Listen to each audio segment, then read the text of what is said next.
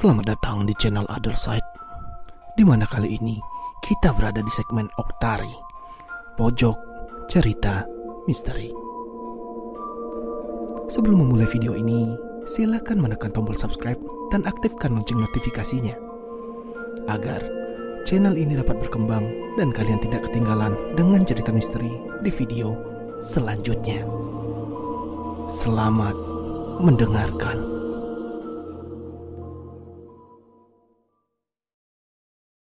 Halo teman-teman, nama gue Ryu. Apa kabar kalian semua? Semoga kalian dalam keadaan sehat tentunya.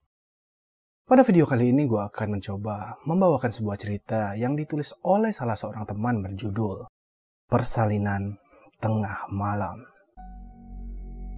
Kisah ini menceritakan tentang seorang dokter kandungan yang bernama Ferry yang mengalami pengalaman mistis pada saat beliau pulang ke kampung halamannya di Trenggalek. Di sini gue akan mencoba menceritakan melalui sudut pandang orang pertama, yaitu sebagai dokter Ferry sendiri. Penasaran dengan kisah yang dialami dokter Ferry tersebut? Mari kita mulai ceritanya.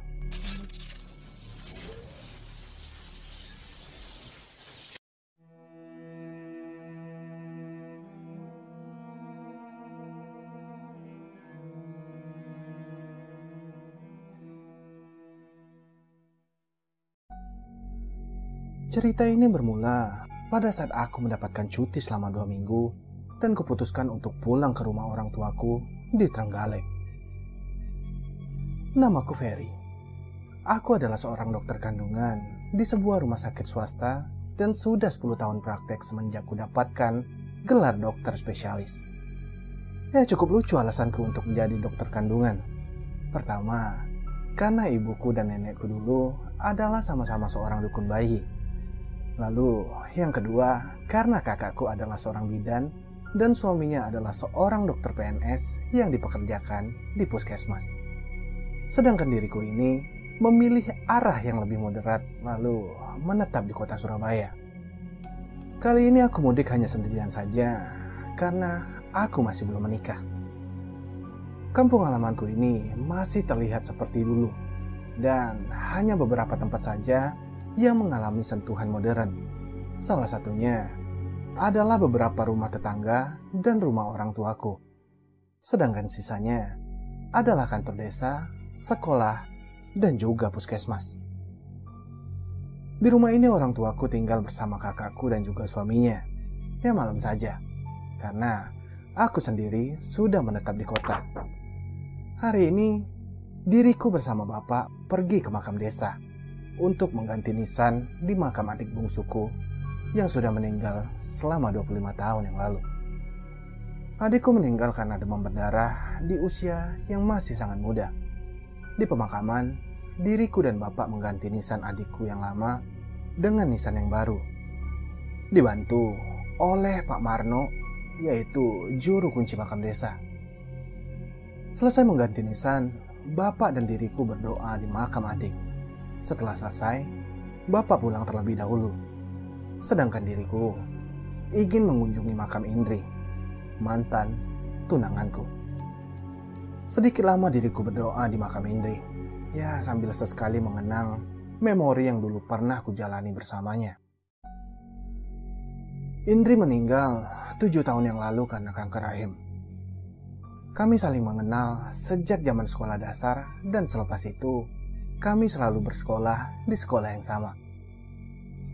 Di zamanku masih kuliah, aku selalu sempatkan untuk menemuinya sekaligus mudik ke rumah. Indri bertunangan denganku selepas tahun diriku resmi praktek di Surabaya. Tak banyak lagi yang bisa kuceritakan karena sisanya kami menjalani hubungan jarak jauh. Hingga untuk terakhir kalinya diriku melihatnya ketika maut menjemputnya. Baru beberapa langkah aku meninggalkan makam Indri untuk kembali ke rumah. Tiba-tiba diriku terkejut oleh suara pohon rubuh beberapa meter di sampingku. Pohon itu jatuh menimpa sebuah makam yang nampaknya masih baru, sehingga nisannya terlepas. Karena simpati, ku datangi makam itu untuk memasang kembali batu nisannya. Lalu, datanglah Pak Marno. Mas Ferry, biar saya saja yang benerin. Ini sudah tugas saya kok, sampean langsung pulang aja. Bersih-bersih, biar nggak kena hawa kuburan. Kemudian aku berdiri dan berpamitan pada Pak Marno. Terselip di pikiranku bahwa aku belum sempat bertanya, itu tadi makam siapa? Sesampainya di rumah, aku mandi membersihkan badan dari keringat dan sisa-sisa tanah dari pemakaman. Lalu, aku ganti pakaianku dengan yang baru dan langsung menuju teras rumah untuk bersantai sambil melihat keponakanku bermain di halaman. Sedangkan kejadian pohon rubuh tadi tidak aku ceritakan pada siapa pun. Selepas maghrib, kembali diriku bersantai di teras depan.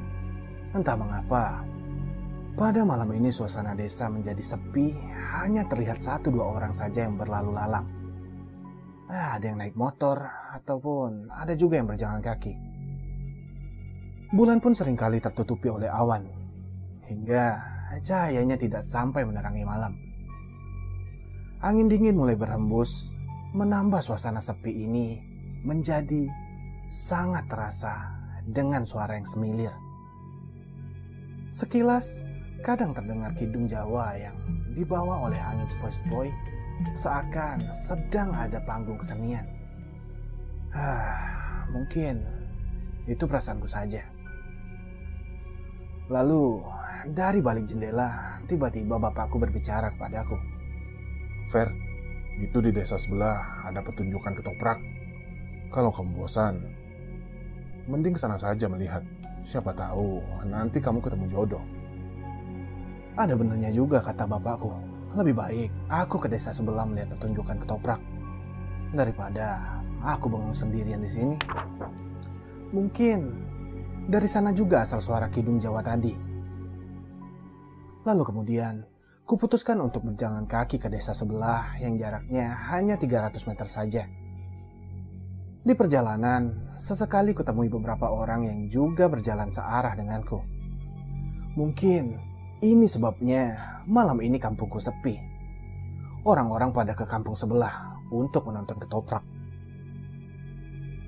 Pada akhirnya, diriku kembali berjalan sendiri di setengah perjalanan. Tanpa kuperhatikan, mendadak saja tidak ada orang yang berjalan searah lagi denganku. Untunglah diriku sudah terbiasa dengan suasana sepi seperti ini. Ya maklum saja, ketika masih menjadi mahasiswa kedokteran, aku sering sekali jaga malam di rumah sakit tempat kemagang. Bahkan, beberapa kali pada malam hari, diriku harus menemani mengantar jenazah ke kamar mayat. Sembari menghibur diri dengan kenangan-kenangan di kepalaku, mataku melihat ada seseorang yang sepertinya sedang berhenti untuk membetulkan alas kakinya. Ku dekati dan semakin terlihat jelas. Sosoknya ternyata seorang gadis. Ya, dia adalah gadis yang manis dan dia mengenakan seperti seragam perawat berwarna putih yang dibalut sweater berwarna biru muda. Selamat malam, Mbak. Sepertinya sedang kesulitan ya. Apakah saya bisa membantu? Selamat malam juga, Mas. Aku nggak apa-apa kok.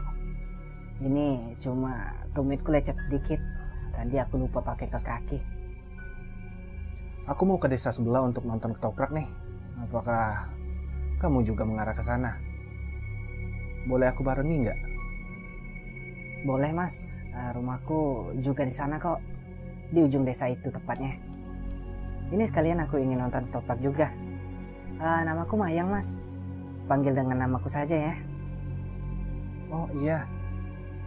Namaku Ferry. Salam kenal ya Mayang.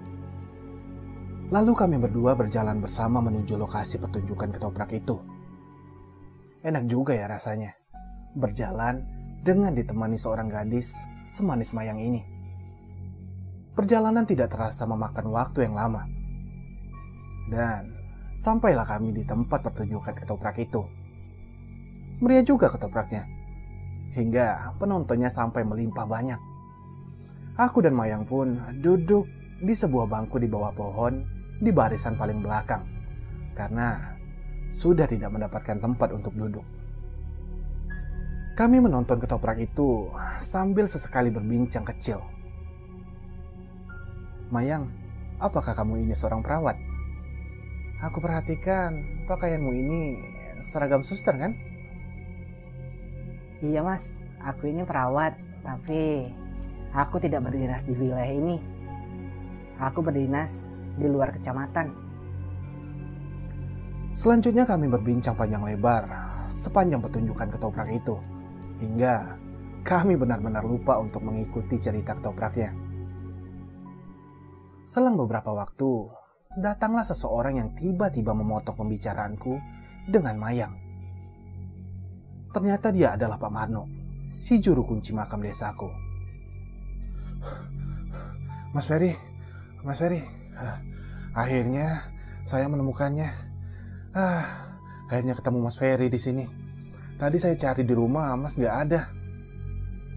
Loh, ada perlu apa Pak Marno mencari saya? Bapak tenang dulu, uh, ambil nafas dulu, biar santai.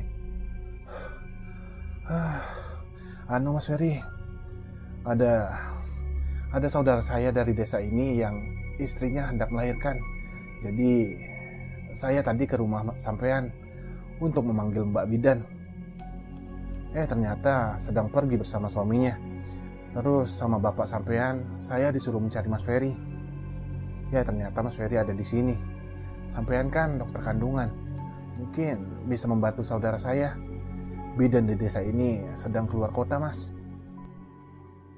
Diriku tak habis pikir bagaimana ini bisa menjadi sebuah kebetulan.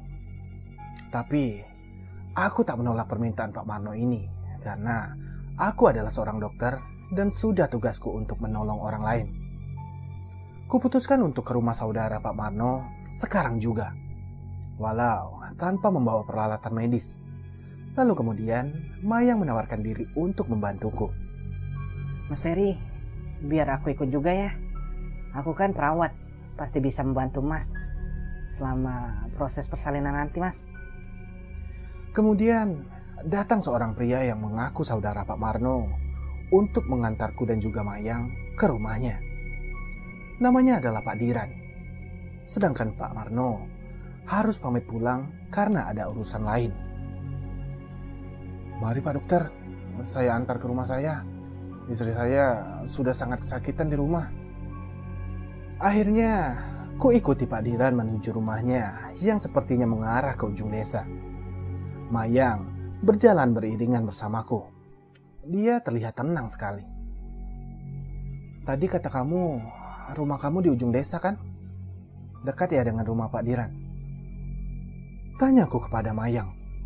Sementara Pak Diran berjalan di depan kami sambil merokok. Hingga bau khas rokok klobot seakan memenuhi udara. Iya mas, rumahku di paling ujung. Tak lama kemudian, mataku mulai melihat sebuah rumah yang ukurannya tergolong besar daripada rumah-rumah lainnya di desa ini. Rumah model Belanda, bercat putih dengan hiasan lampu minyak di terasnya.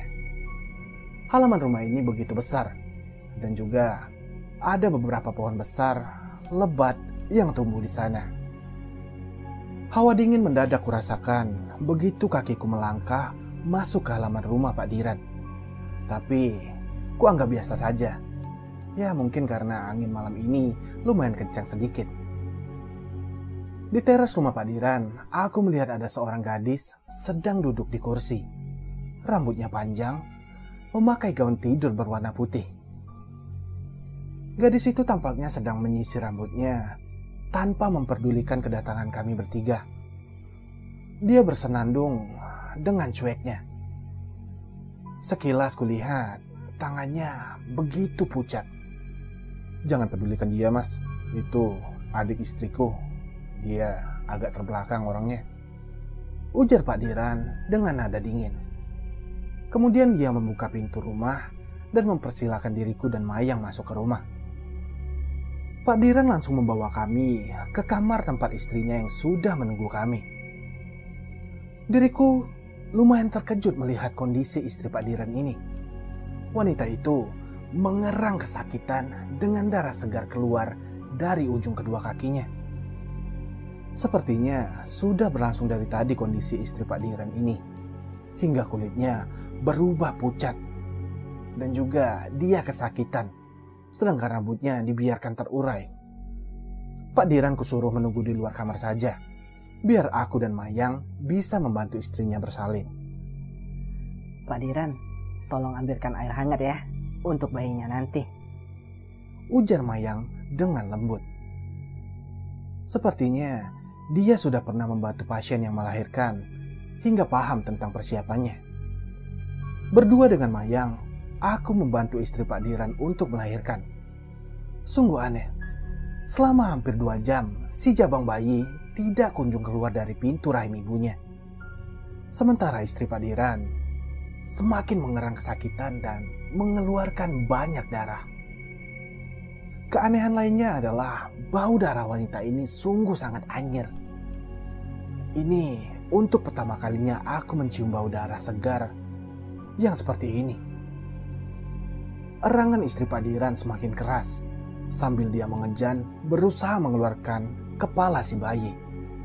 Lalu tiba-tiba Udang metu aja bagus. Mbak nyanyi nggih nek jenengan nurut. Ya prakonco dolanan ing jaba. Padang bulan padange kaya rino.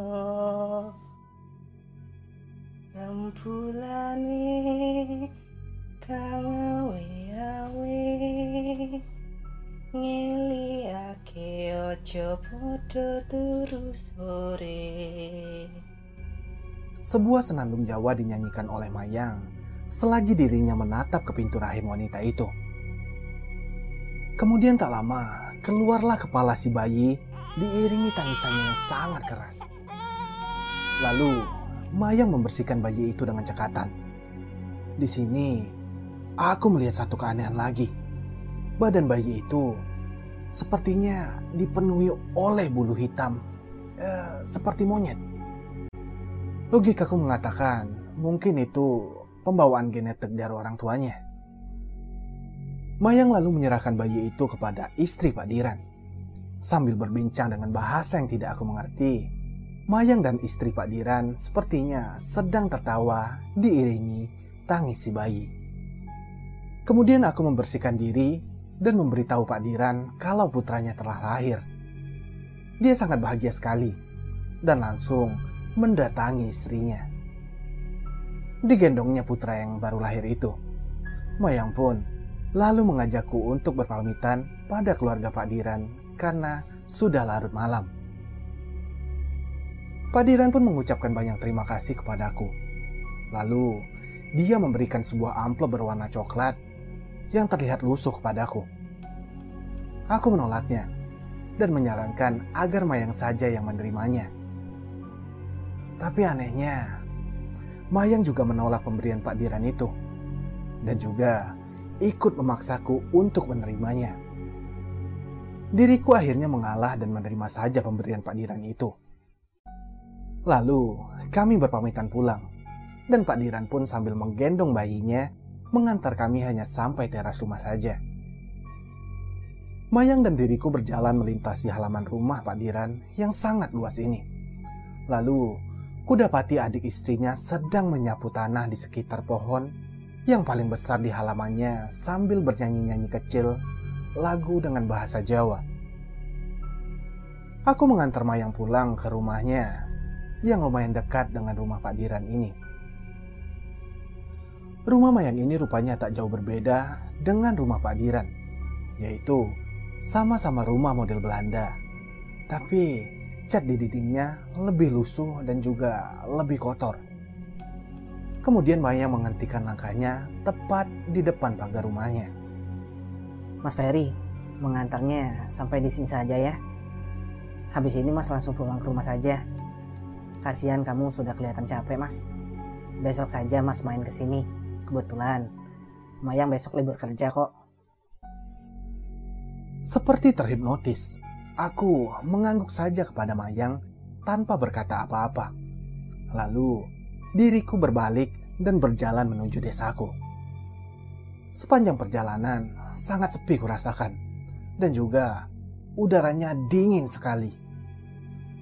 Dan sekitar 45 menit akhirnya, aku sampai juga di rumah dan kakiku sangat kelelahan. Karena perjalanannya lumayan lama. Padahal waktu berangkat tadi tidak seberapa jauh jaraknya. Ketika aku menuju ke desa sebelah. Pintu rumahku sudah dikunci. Ku ketuk-ketuk pintu rumahku, juga tidak ada yang menjawab. Karena sudah terlanjur kecapean, akhirnya malam ini aku tidur di teras rumah. Fer, Ferry, hei, bangun Fer. Samar-samar terdengar suara bapak membangunkanku. Fer, ayo bangun Fer. Kamu ngapain tidur di teras? Nggak kedinginan apa? Ternyata benar. Itu adalah suara bapakku. Beliau membangunkanku dan menyuruhku untuk langsung mandi. Setelah mandi dan sarapan, ku temui bapak di teras rumah. Lalu, ku ceritakan semua yang ku alami dengan sangat detail. Bapak hanya menggeleng-gelengkan kepalanya mendengarkan ceritaku tadi. Tanpa berkomentar, Bapak pun lalu beranjak dari kursi dan masuk ke dalam rumah. Lalu Bapak keluar rumah lagi dan mengajakku untuk naik motornya. Aku pun dibonceng bapakku di motornya. Sepertinya mengarah ke desa sebelah. Sekitar 10 menit, lalu Bapak menghentikan motornya di sebuah kebun mangga. Aku pun terkejut setelah melihat sekeliling di dalam kebun mangga itu ada rumah tua yang sudah terbengkalai tak terawat. Bentuk rumah itu persis sekali dengan rumah Pak Diran semalam. Dan makin lama, kebun mangga ini juga terlihat mirip dengan halaman rumah Pak Diran. Masih diselimuti oleh rasa tak percaya, lalu bapakku ajak ke rumah Mayang, yang semalam letaknya tak jauh dari rumah Pak Diran. Betapa terkejutnya diriku setelah kusadari bahwa lokasi yang semalam adalah rumah Mayang, ternyata siang ini hanyalah sekumpulan rumpun bambu atau barongan yang lebat dan meninggalkan kesan sangat angker walau di siang hari. Kemudian Bapak mengajakku kembali. Di perjalanan, kami mampir di warung untuk istirahat sejenak sambil minum kopi. Di warung ini, Bapak menceritakan kepadaku bahwa selepas asar kemarin, Pak Marno meninggal dunia karena stroke. Jenazahnya dimakamkan selepas maghrib. Pada waktu bapakku ingin ikut menguburkan Pak Marno, bapak melihatku sedang melamun di teras dan menyapaku berkali-kali. Tapi aku tidak mengubrisnya. Kemudian ketika sudah pulang dari makam Pak Marno, Bapak sempat menengok ke kamarku dan mendapatiku sedang tidur mengenakan selimut. Lalu pagi harinya, bapak kaget mendapatiku sedang tidur di teras rumah, sedangkan pintu rumahku dikunci dari dalam. Dari warung tadi, bapak lalu mengajakku sebentar untuk ke makam desa. Di sana, bapak menunjukkan kepadaku sebuah makam yang masih baru dengan tulisan Sumarno di nisannya. Diriku pun langsung lemas melihatnya, sambil membayangkan yang ku alami semalam. Lalu bapak mengajakku untuk pulang. Beberapa dari makam Pak Marno, samar terdengar suara wanita memanggil namaku. Spontan, aku pun menoleh ke arah panggilan itu dan melihat sebuah makam dengan pohon patah di sampingnya. Itu adalah makam yang kemarin kubenarkan nisannya. Tak sadar, kulangkahkan kakiku mendekati makam itu Mayang. Jadi, ini adalah makam gadis itu. Bapak yang mengetahuinya lalu mendekatiku dan menanyakan apakah aku mengenali makam ini. Ku jawab saja tidak. Lalu, kami berdua kembali pulang ke rumah dan bersantai di teras lagi.